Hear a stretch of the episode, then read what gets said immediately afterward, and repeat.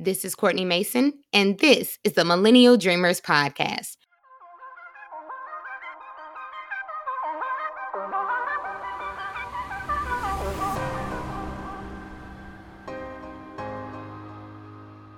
Hello, friends, and welcome back to the podcast. This week, I feel like I should say hello, friends and lovers, since we're so close to Love Day. And every year around this time, I say to you, person who's listening, that you are my Valentine. And that is the truth, okay? Makes me want to sing to you like Money Love. Can I sing to you? I was saying something like, My funny Valentine, sweet cosmic Valentine. Okay, okay, enough. All right, reel it in, focus. All right, we have some things to talk about today. On a serious note, I wanted to talk to you today about something that I think about regularly. And it doesn't fall under the career or entrepreneurial umbrella. And if you've listened before, you know that over here we're part ambitious pursuits and learning from other people's journeys, but we're also about self development. So, with that said, I wanted to talk about guilt and shame that we carry around because of mistakes that we've made. Everyone who is anyone has done something, big or small, that they are not proud of. We've all had moments, whether they were known by many or by few, that we wish we could go back in time and undo. If it was a bell that we can unring, we do that in a heartbeat whether it's making an error at work that was noticed by your boss or superior, or saying something in a social setting that was ridiculous when you thought back and was like, oh, I should have never said that. That's, you know, I sound crazy. Or letting someone down who was counting on you. Or it can be something that's big, like harming someone that you love and care about, or even harming yourself. Doing something that had big repercussions. And as I'm talking, I'm sure you're probably immediately thinking of at least one thing that applies. The problem becomes when we convince ourselves that that mistake, that error, that decision, it defines who we are. I know a long time, not I won't say a long time ago, but it was a while ago, I saw a quote from Bryan Stevenson who wrote the book Just Mercy, which became a movie, he said, each of us is more than the worst thing we've ever done. And I believe that wholeheartedly. And I, you know, usually will take time to think about mistakes and how they impact us and how they affect us.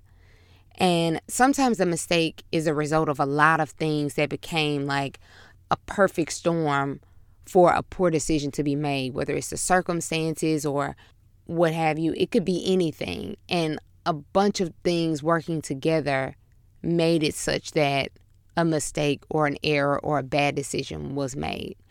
But we don't typically think of it in such a practical way like that. And I wonder why that is. You know, we will fret about if this thing, if it means somehow that we're a bad person because most of us have like an idea of who we believe ourselves to be.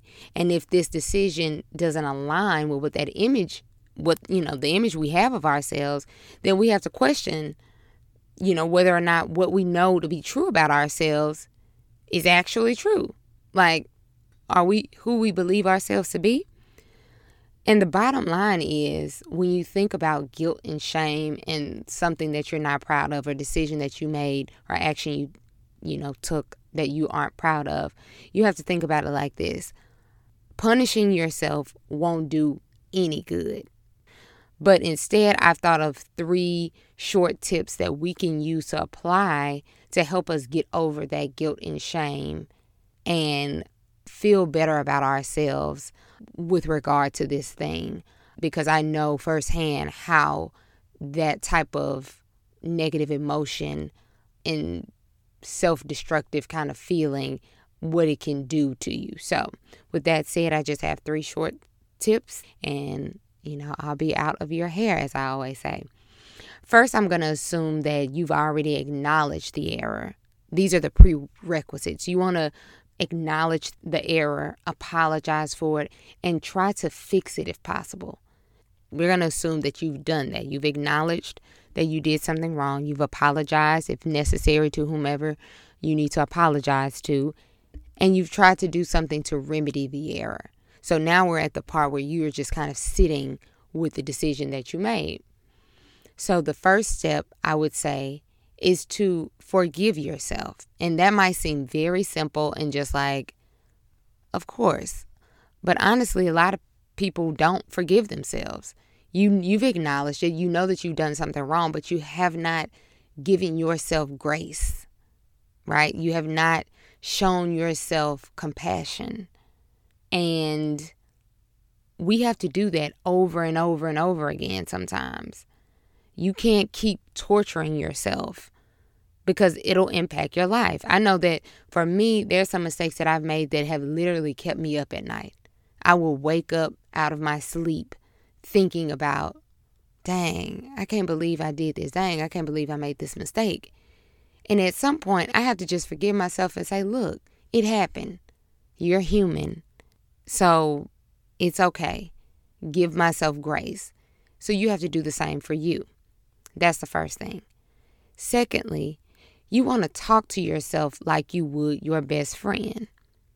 We know our friends, and by virtue of our closeness and the friendships that we have, you likely know about some of the bad decisions that your friends have made. But you still consider them to be one of your favorite people in the world. They're your best friend. So you're going to give them empathy and compassion even when you're being honest with them. You're not going to belittle and demean them. You will remind them of how great they are in spite of this faux pas that they've made. So do the same thing for yourself. If we think of ourselves as our own very best friend, you'll be more kind to yourself in how you speak and how you treat yourself. So instead of being our own worst critic, because I know that is easy to do. I'm I say that all the time about me. Like no one can be more hard on me than I am on myself. So, you do the same. Treat yourself like you would your best friend. And lastly, ask yourself what you learned from the mistake. There is, it doesn't matter if it was a big mistake or if it was a small one, there's something that you learn from it. So use that knowledge and then apply it going forward. Because really, the best way to show that you're truly sorry for something that you did or that, you know, you're remorseful is changing your behavior.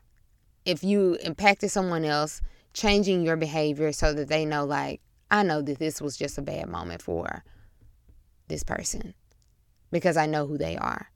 I know that they don't wouldn't ordinarily do this thing. Or if it's not something that impacted anyone else other than yourself, you want to change the behavior so that you know that, you know, as going back to, you know, when we question ourselves, like, am I a bad person? Then you know for sure that you aren't a bad person, that this was just something that happened. And you are showing yourself over and over again that you are much more than this. So use that knowledge to correct your behavior and be better in the long run. Those are three simple tips that we can apply to prevent ourselves from torturing ourselves or giving ourselves such a hard time. Moving from being our own worst critic to being our biggest ally and support. So, with that said, my Valentine, I hope you have a fantastic rest of your week and I will talk to you next time. Peace.